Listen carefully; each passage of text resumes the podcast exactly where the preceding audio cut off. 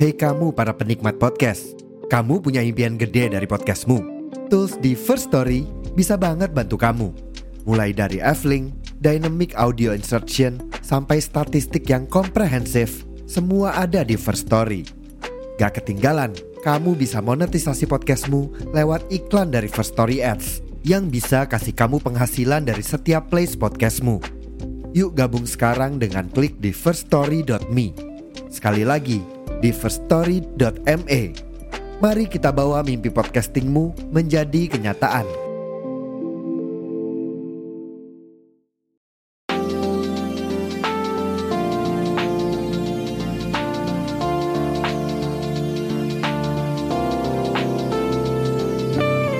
Assalamualaikum warahmatullahi wabarakatuh. Selamat pagi, siang, sore, dan malam. Kembali lagi di Interisme Podcast Podcast yang membahas berita-berita seputar Inter Yang dikutip dari sosial media dan portal-portal berita olahraga Uh, kali ini gue ngetek tanggal 26 Juli 2021 masih di suasana PPKM jilid 2 udah lumayan bosen juga nih karena kerjanya masih di rumah WFH doang nggak bisa ke mana-mana. Jadi kali ini gue memutuskan untuk tag podcast lagi. Dan episode kali ini juga episode yang spesial karena gue nggak monolog ngomong sendirian. Setelah kemarin gue interview dengan teman-teman dari ICI Regional Bekasi kali ini gue kedatangan eh bukan kedatangan sih apa ya lebih tepatnya mengundang seorang public figure atau entertainer yang mengawali karirnya sebagai MC dan penyiar radio di Bandung kemudian merambah ke dunia stand up comedy setelah mengikuti kompetisi Suci Kompas TV season 2 Lalu beliau juga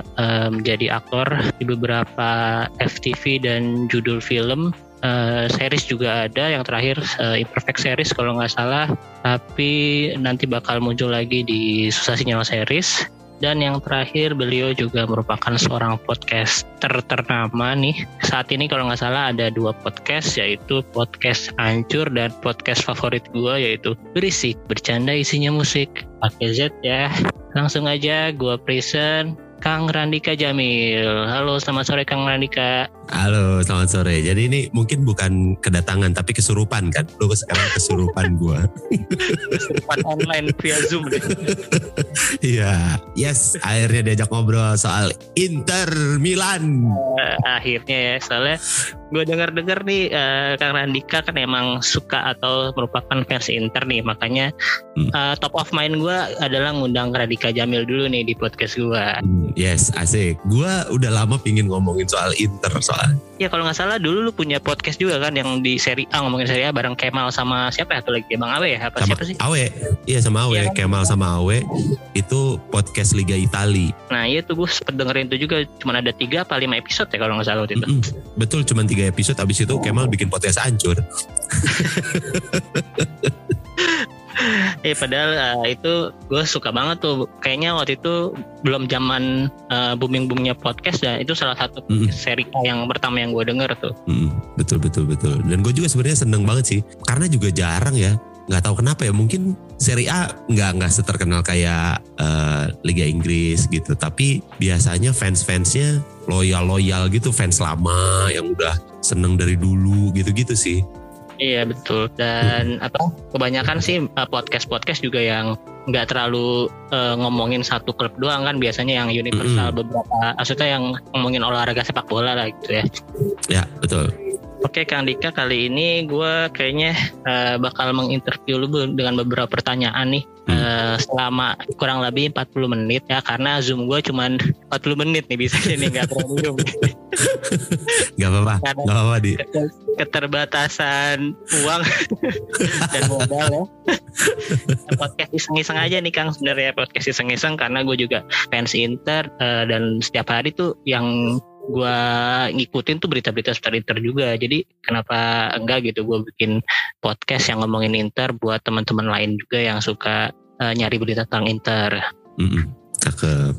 Gue bahkan gue bahkan ngefollow salah satu akun tentang yang ngebahas Inter gara-gara lu. Gara-gara apa tuh? Lihat ya, dari lu nge-like lu lu nge-like nge-like itu terus oh oh ini ternyata lumayan valid berarti ah gue follow juga gitu Lu udah udah follow gue di Twitter ya? Oh, Apa di udah dong Instagram. Instagram. Instagram? Instagram Instagram Oh, Instagram pribadi ya, tapi belum Instagram ini ya. ya Eh, lu belum dengerin juga ya, salah ya, nggak apa-apa sih. Karena emang yang dengerin belum ada seribu orang.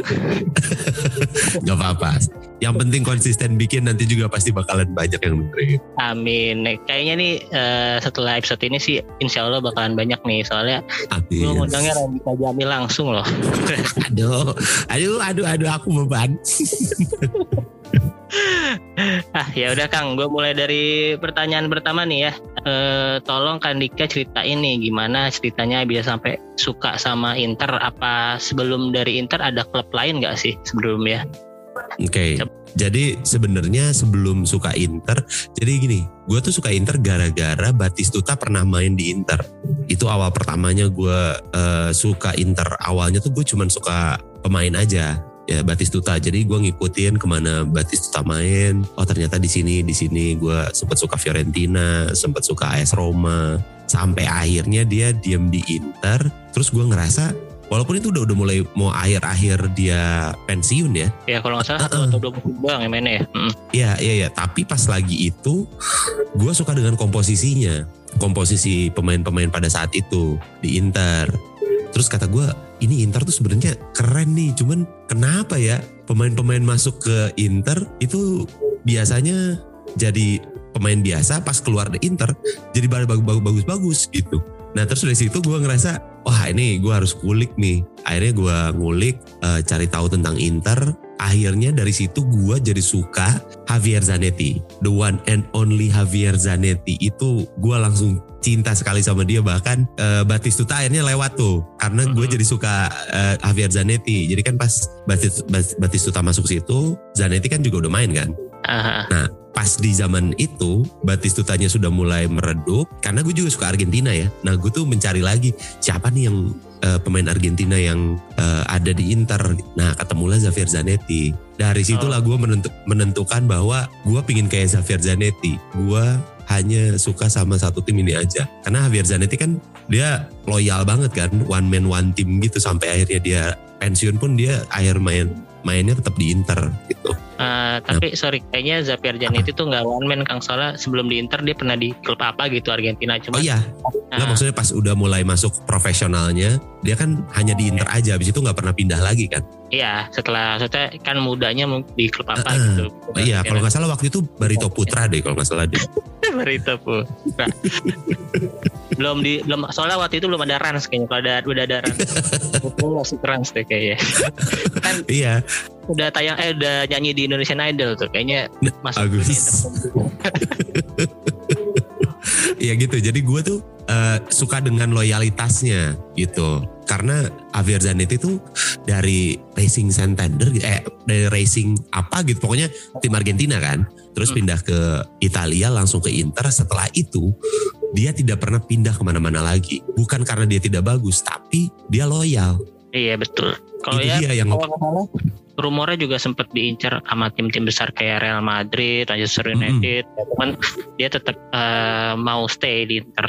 Nah itu gitu. Karena loyalitas itu sih yang gue rasa kayak ini gak semua pemain nih kayak gini. Banyak pemain-pemain yang kalau lu lihat terus duitnya ternyata lebih gede ya udah gue pindah gue pindah gitu-gitu kan. Tapi. Javier Zanetti itu menunjukkan loyalitasnya yang sangat tinggi sekali.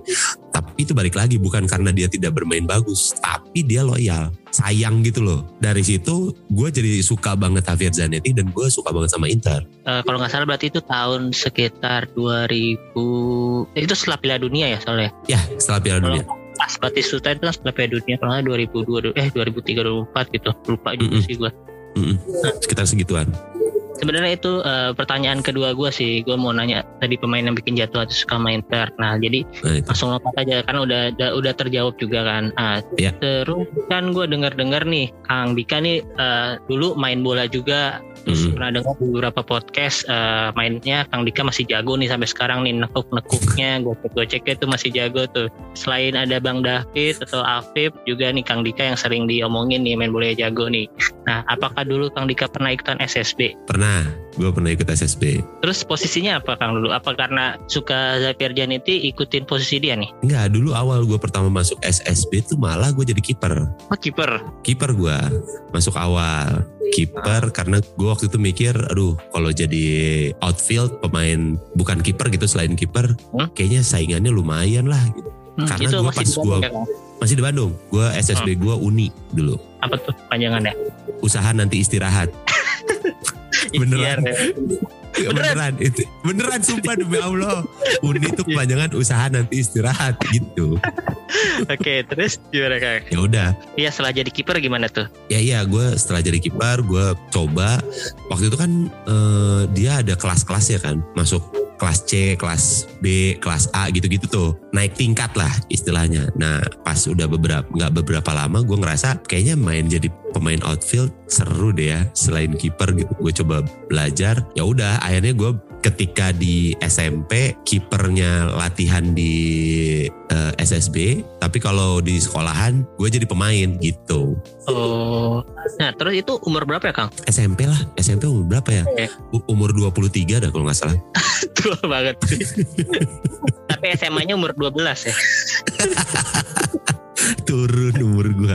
Waktu itu berapa ya? Umur berapa ya? Ya. 15, 14, 15 tahunan.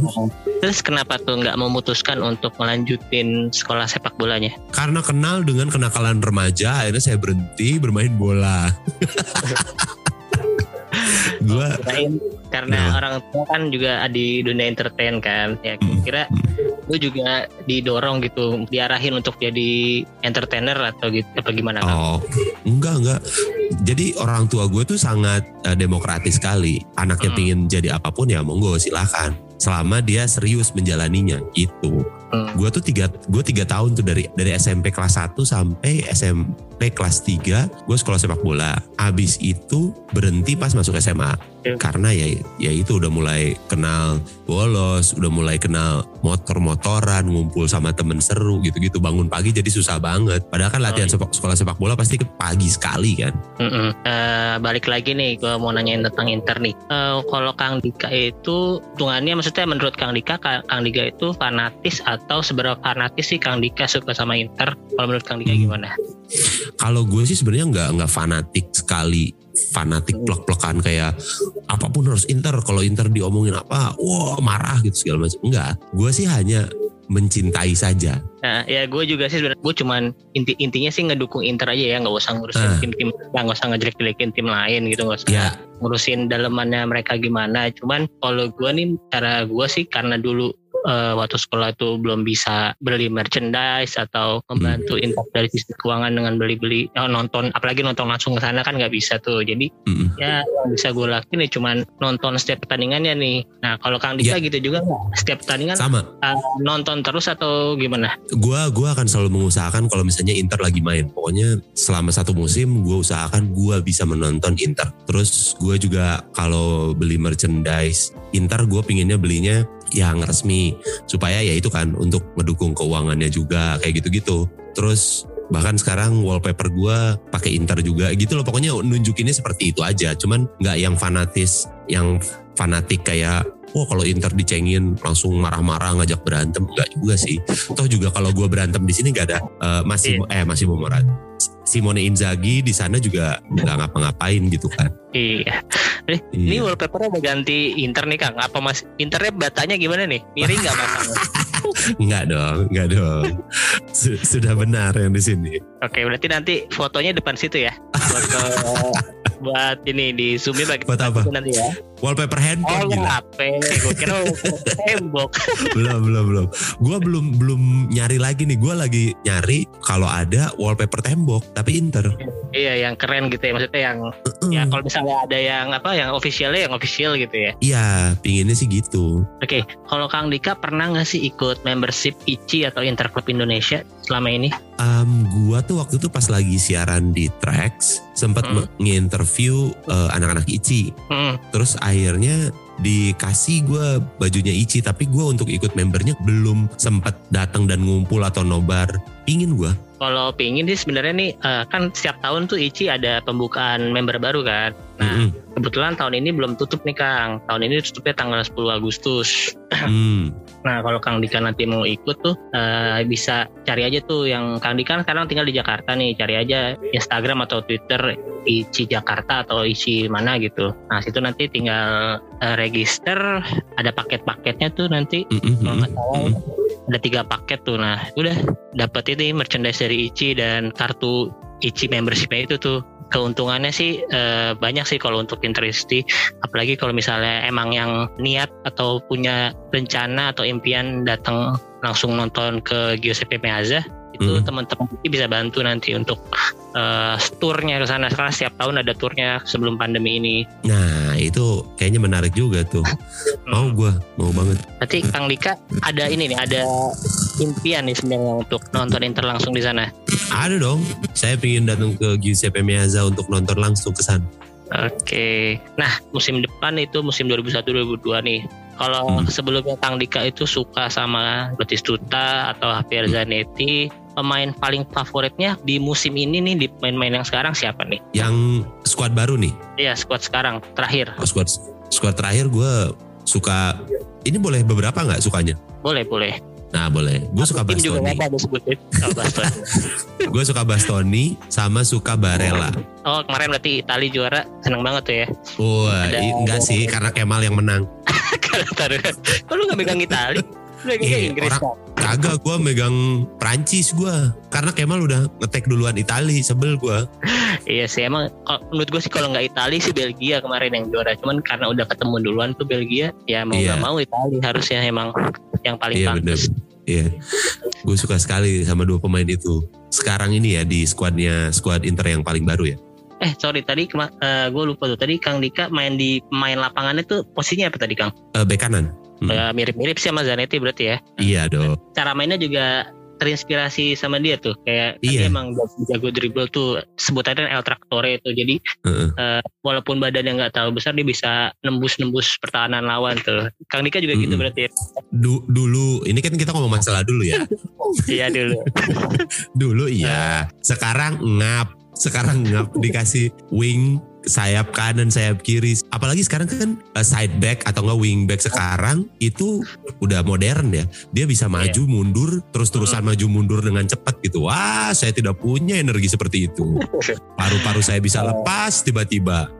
Ya kayak kan eh, Kang Dika sukanya main di posisi right back atau right wing back lah kalau sekarang nih Hmm. kebanyakan kan udah pakai formasi yang kayak gitu. Hmm. Selain Zanetti nih pemain favoritnya selain tadi Bastoni dan Barella nih yang di Hmm. posisi Kang Dika suka ini di posisi right back itu siapa nih? Hmm. Di pemain Inter ya maksudnya dari zaman dulu jadi boleh dari zaman Zanetti sampai sekarang Hmm. tapi selain Zanetti itu siapa? Selain Zanetti ya. Maicon.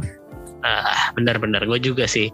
Maicon tidak- sampai sekarang emang ya mungkin Hakimi hampir lah meng- menggantikan Maicon cuman karena masih Mm-mm. semusim belum belum kelihatan maksudnya belum cukup lah karena cuma Iya. semusim. Kita harus sangat berterima kasih sama Hakimi sih. Ya Dia- kan dia juga bukan dia yang mau keluar kan. Betul, betul.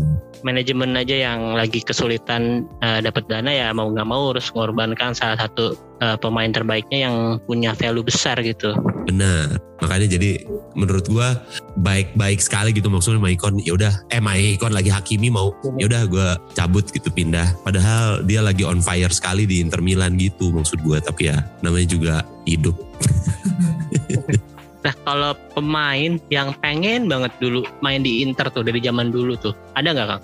Pemain yang pingin banget maksudnya gua gua pingin dia main di Inter gitu. Ah, misalnya pemain Juventus siapa, misalnya Del Piero gitu, lu pengen, lu suka sama dia terus pengen banget dia main di Inter. Gua tuh pingin Dybala malah. Oh yang sekarang justru nih, Iya, kalau di betul. kan? Hmm. Betul Paulo Dybala atau Paul Pogba. Kenapa tuh? karena nggak tahu kalau menurut gua ya seingat gua atau ini juga mungkin gua salah tapi menurut gua Inter tuh sering sekali kekurangan eh, gelandang kreatif kalau kalau Iya. sekarang udah ada Erikson ya Erikson juga nggak tahu kan bisa main lagi atau enggak Barella ada Sensi kayak gitu tapi sebelum ini terakhir punya gelandang kreatif itu Snyder menurut gua Eh, ya si setelah itu lumayan kosong betul. Nah. Iya, dia itu pokoknya zaman-zaman kelam tuh setelah 2011 lah.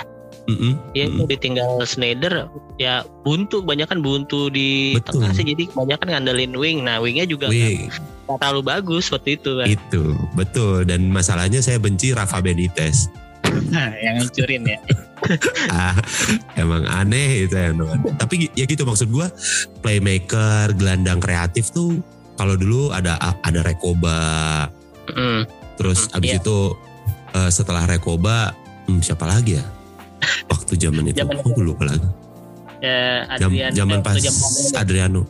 Ya apa ya? Aragones itu kapan tuh? Aragones yang main Yunani. Iya, Kar Karagonis juga lumayan tuh. Maksudnya ya kayak gitu-gitu. Inter tuh jarang punya playmaker kayak gitu gitu. Yang beneran bisa megang bola lumayan lama terus juga bisa ngebikin aliran bolanya jadi lebih banyak gitu. Nih. Makanya kayak kepikiran wah ini harus punya playmaker lagi nih.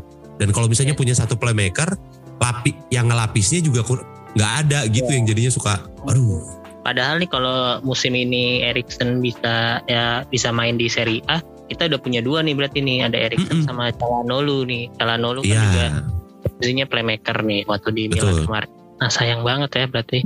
Nah terus Mm-mm. dengan squad yang dimiliki Inter sekarang nih, walaupun bursa transfer belum tutup nih, Mm-mm. prediksi dan harapan Kang Dika untuk Inter musim depan gimana nih? Prediksi dulu deh.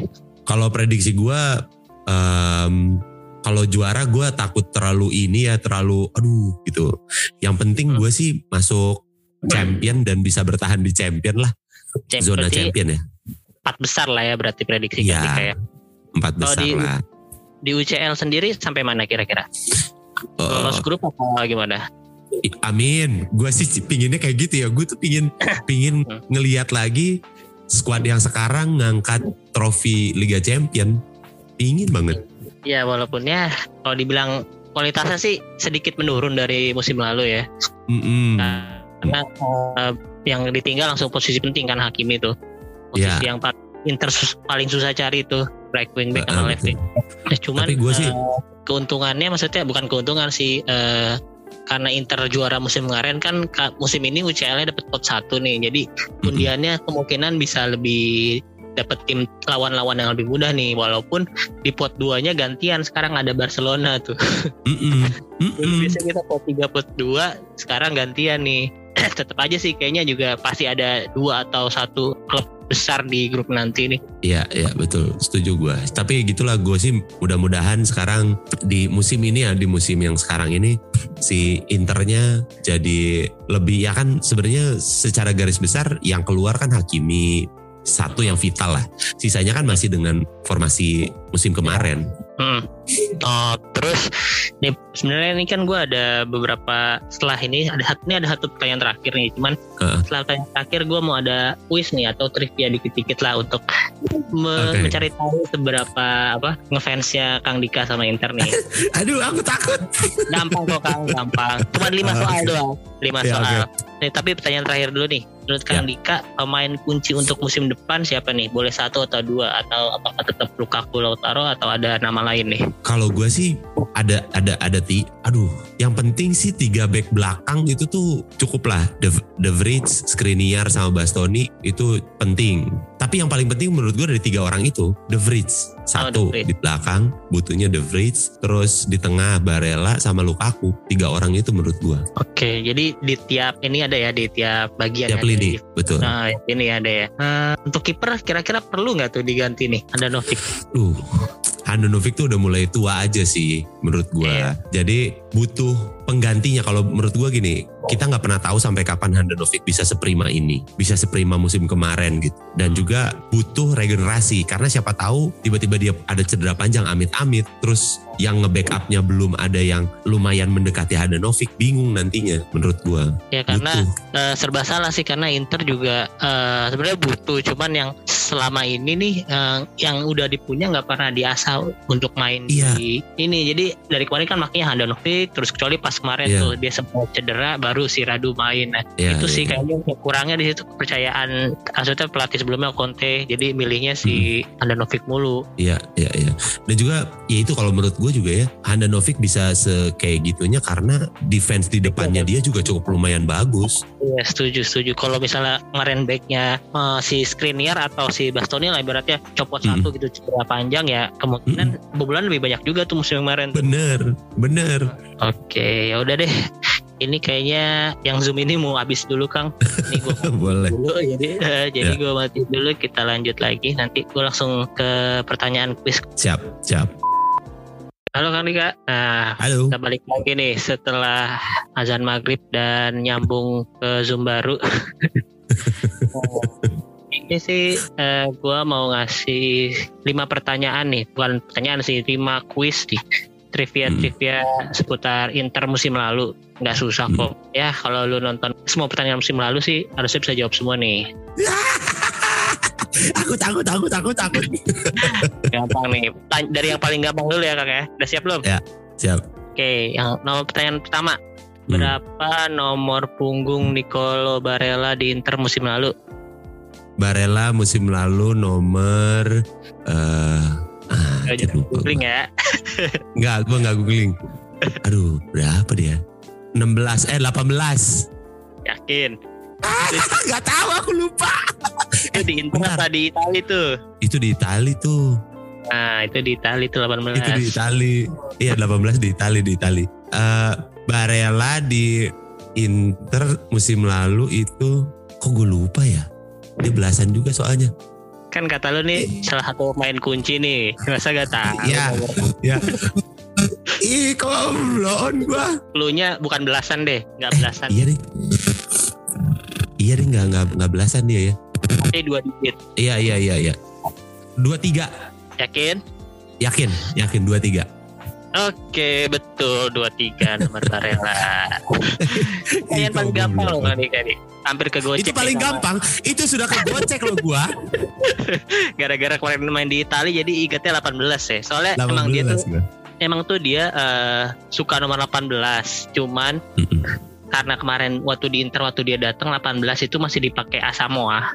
Mm-mm. Walaupun dia nggak main juga tuh waktu di zaman Conte. Jadi dia nggak bisa makin 18, makanya dia di Itali pakai nomor 18. Iya, Terus iya, iya. dia itu punya anjing kesayangan namanya Libron. Libron Hmm. itu kalau basket pakai nomor punggung 23. Jadi dia pakai nomor 2 punggung eh nomor punggung 23 sampai sekarang. Oh, itu dia ngegantiin Materazzi berarti ya? Iya, sebelum Matrezi ke Ranocchia dulu kemarin. Iya, Ranocchia. pindah ke 13. Ranocchia 13. Nah, Oke, pertanyaan selanjutnya nih. Hmm, pertanyaan kedua nih. Siapa pemain dengan menit waktu bermain terbanyak di Inter musim lalu? Handanovic. Ini gampang kan? Gampang banget sih ya sih, udah pasti tuh Handanovic udah tergantikan. iya. Ya, Handanovic itu main musim kemarin jumlah total menitnya di Serie A itu 3.240. Padahal dia main 37 kali karena satu pertandingan itu dia nggak main cedera. Yang main 38 kali justru Lautaro. Cuman Lautaro di sini cuman 2.500 sekian lah. Di bawah Handanovic ada Bastoni dengan 2.926, bawahnya lagi ada Barella dengan 2.901. Oke, dua pertanyaan udah bener nih Kang Dika nih. yes, asik. Ketiga nih. Nah tadi kan Ya. udah ngomongin Handanovic itu eh, nggak main satu kali musim kemarin di Serie A karena cedera. Mm-mm. Eh, kan Handanovic itu kapten nih di Inter. Nah, ketika Mm-mm. Handanovic kemarin cedera ketika lawan Roma, siapa yang Mm-mm. gantiin dia jadi kapten? Hmm. Bentar waktu lawan Roma ya dia tuh. Lawan Roma di Giornata ke 36. Eh Giornata terakhir itu. Akhir-akhir. Siapa ya kaptennya waktu itu? Kok gue lupa? Eh bentar-bentar. Gue kasih clue ini deh Kang. Gue kasih clue eh, starting line up-nya nih. Ya. Starting line up-nya kiper ada Radu, back Mm-mm. screennya Ranocchia D'Ambrosio, tengahnya ada Brozovic, Vecino Barella, sayapnya Peric sama Darmian, depannya Sanchez sama Lukaku. Nah kira-kira siapa tuh yang jadi kapten? Ranocchia. Yakin? Udah Brozovic Yakin. nih? Enggak. Oke, betul. Ranocchia jadi kapten deh. Gue tuh ra- rada ragu waktu pas lawan Roma. Ranocchia main apa enggak gitu doang gue mikirinnya. Iya, karena ya kakek gua tadi kasih clue ke eh, clue-nya di Giornata 36 karena kan di Giornata 36 kita udah pastiin juara tuh. Jadi Oh, ya iya. itu udah, udah udah rotasi pemain tuh Conte kemarin. Hmm. Ya, jadi Ranocchia hmm, main di posisi the fridge kalau nggak salah kemarin. Ya. Oke, ada pertanyaan lagi. Kayaknya terlalu gampang nih. Eh, jangan dong. Kalau ditambahin sedikit kesulitannya, saya jadi terlihat bodoh sekali, pasti. Nah, ini nih kalau pertanyaan nomor empat sekarang eh, kan kita tahu nih eh, kemarin di Euro salah satu pemain Inter yaitu Christian Eriksen mengalami masalah jantung tuh waktu pertandingan tuh. Nah kira-kira waktu dia kolaps dilariin ke rumah sakit mana ya Kang? Hmm, hmm. Darmais. rumah sakit. Itu rumah sakit kanker ya. Enggak enggak bukan itu pertanyaannya. Ah, ibu dan anak. Ibu dan anak. Enggak enggak. Nih pertanyaannya yang bener nih. Erikson kema- musim kemarin mencetak 4 gol untuk Inter di seluruh kompetisi. Dari 4 gol tersebut berapa yang dari free kick? Eh, bentar. Kena dia satu dulu.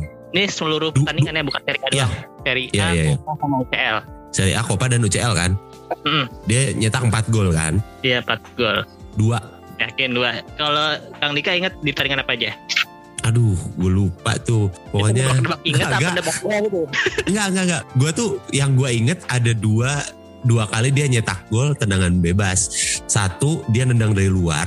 Jadi tiga maksudnya berarti gol yang ketiganya nendang dari luar. Satu lagi ah lupa gue. Nah itu gue bi- bingung antara dua apa tiga. Tapi gue sih yang gue yakin dua. Oke, benar jawabannya dua. Ya. Yang pertama itu ketika melawan AC Milan di Coppa Italia. Ingat gak? Oh iya, Gol pertama Erikson musim itu tuh. iya, iya, iya. Bebas. Pertengahan musim kan itu ya? Bagus. Ya, pertengahan musim tuh. Ya pertengahan Bagus musim. banget tuh. Kipernya kalau nggak salah bukan Donnarumma sih, kipernya Milan itu Tatarusanu yang main. Hmm, Nah, terus gol selanjutnya itu lawan Napoli, cuman tendangan dari luar kotak penalti betul.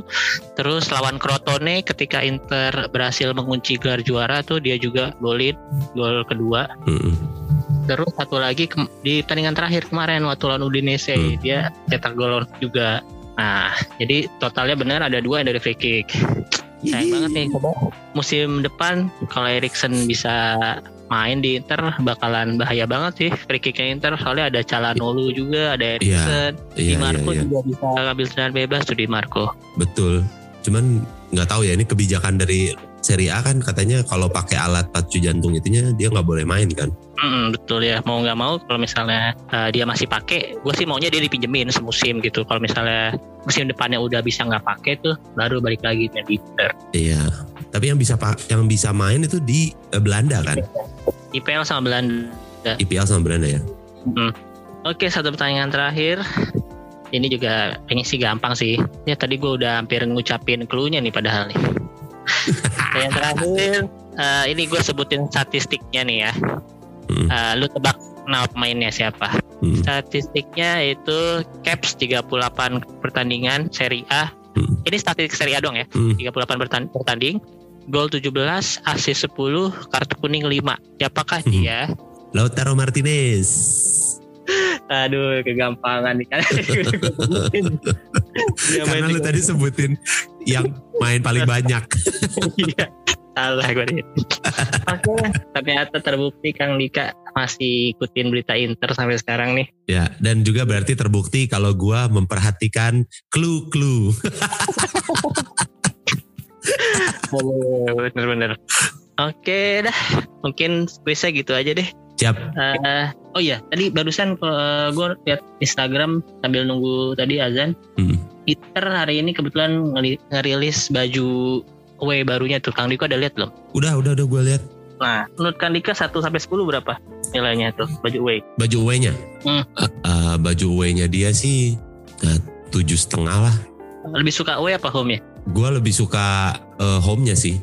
Karena ini ya apa ya aksen-aksen ular-ularnya itu Iya, bikin keren sih emang. Cuman eh, sponsornya terlalu rame sih nulisnya dia. Betul. di suatu itu. Coba Iya. kalau di simple dikit aja gitu kayak Pirelli gitu satu baris doang tuh keren tuh pasti. iya, keren iya. lagi. Ya, tapi nggak apa-apa lah dia bisa dapetin duit. Kita bisa bisa Inter dapet duit gitu. Iya 20 Ada juta sponsor. per musim lumayan Ya, lebih tinggi dari lah. Pirelli. Pirelli musim Iya. kemarin kalau nggak salah 8 atau 12 juta euro gitu. Pokoknya ini Hmm. ya dua kali lipat lah naiknya. Iya iya, gue sih berharap mudah-mudahan eh, kalaupun misalnya si Suning mau ngejual, tolong jual ke Taipan Taipan kaya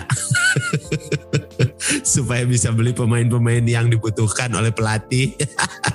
Ya sih gue kalau gue maunya sih ke ini ke saudagar saudagar minyak di Arab Mm-mm. sana. Soalnya kalau di eh, Cina ya kebijakannya kan membatasi ini pengeluaran untuk investasi di luar tuh kayak Ya. klub bola atau semacamnya. Nah, makanya itu sih yang ngeberatin Suning. Sebenarnya Suning bisa Betul. aja eh, spending banyak untuk Inter musim ini sama musim kemarin. Cuman karena ada peraturan yang dari Cina itu ya mau nggak mau sekarang terbatas begini. Ya betul betul betul. Terus jersey favorit lu dari setiap musim tuh yang tahun berapa Kang? Ingat gak? Wah jersey favorit gua tuh Bentar, gue sekalian gue lihat ya biar gue inget gue. Oh, lu yang lu punya nih ya, yang lu punya di sekarang di rumah. Boleh boleh. Bentar. Jersey Inter Milan yang gue suka itu yang pas. eh, tapi gue lebih eh, suka jersey oh, misalnya away-nya doang kayak gitu nggak apa-apa ya? Gak apa-apa, maksudnya yang paling lu suka aja nomor satu gitu. Eh, jersey yang gue paling suka tuh pas yang tahun lalu. Tahun lalu tuh, yang apa kayak ban, yang kayak Iya tahun lalu. Oh. Iya, yang warnanya itu. Eh, kalau gue sih paling suka sih yang ini, yang pasca treble tuh karena patch banyak tuh penuh. Ada Oh, patch Scudetto, ada Coppa Italia. oh lu karena patch-nya ya. iya. Ya.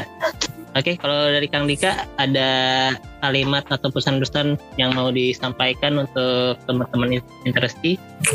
Kalau gue sih Forza Inter udah gitu aja. Hmm. Ayo. Kita dukung Inter tapi tidak usah berlebihan. Setuju, setuju. Ya kita dukung ya dengan ya kalau menurut gue sih tadi yang lu bilang tadi nonton Inter sesempet mungkin terus Mm-mm. beli merchandise merchandise originalnya. Terus ya kalau bisa ikut membership ya juga. Kalau ikut membership nggak harus ini kok nggak harus nggak harus aktif di komunitasnya. Sebenarnya eh, kita terdaftar secara resmi gitu di official membershipnya Inter Iya, betul selain betul. itu betul. ya ini kalau menurut gue ya bikin bikin konten aja tentang Inter gitu biar eh, siapa tahu ada anak-anak kecil yang belum nentuin klub kesukaannya apa gitu jadi kan kalau semakin banyak dia lihat di sosial media atau di platform apa pun YouTube Spotify apa pun kan bisa mancing juga dia jadi interisti kan Betul, betul, betul. Oke, kalau dari gue sih ya harapannya untuk Inter sama sih, seenggaknya sih walaupun nggak bisa, eh, walaupun nggak Scudetto, seenggaknya masih tetap di posisi empat besar musim depan. Terus kalau UCL, seenggaknya eh, lolos grup lah biar pendapatannya juga nambah tuh karena lolos grup UCL aja udah lumayan tuh, udah lebih dari Hmm. juara Liga Italia. Liga Itali, ya. Apalagi ya? Gini, kalau gue juga mu- mudah-mudahan ini pandemi pandemi kelar, jadi Oh, iya, betul. siapa tahu entah kita yang bisa ke sana, amin, atau enggak Internya bisa jalan-jalan ke sini. Oh iya betul ya. Waktu itu Yoi. Inter ke Indonesia tuh, Kang Dika Saya lagi sakit, sakit. Yang di Singapura juga enggak? Yang Singapura Ti- kan terdekat Indonesia ke Singapura. Heeh. Wak- Waktu itu ada kerjaan, jadinya nggak bisa. Mendingan nyari duit kan daripada ngeluarin duit. Tuh. ya semoga aja ada kesempatan lain ya. Maksudnya kan ya, setelah pandemi ini sih harusnya sih Inter karena pasarnya di Asia gede harusnya sih dia ke Asia lagi. Semoga aja Indonesia menjadi salah satu destinasinya tuh. Apalagi ada mantan ownernya Pak Erick Thohir semoga bisa lebih lebih lah. iya betul, gue juga. juga kan guys. Betul, betul sekali. Gue sih berharap itu aja. Iya, ya semoga aja ada ada yang kayak apa petani kemarin tuh bisa dikasih Mm-mm. jersey ini jas juga jersey original dengan tanda tangannya. Benar. Ya udah sekali lagi terima kasih ya Kang Dika udah nyempetin waktunya jadi bintang tamu di podcast gue ini yang pendengarnya belum nyampe seribu. ya semoga nggak kapok lah mau siapa tahu nanti kalau ada bahasan yang seru lainnya gue mau ngundang Kang Dika lagi semoga Kang Dika masih mau Iya dong.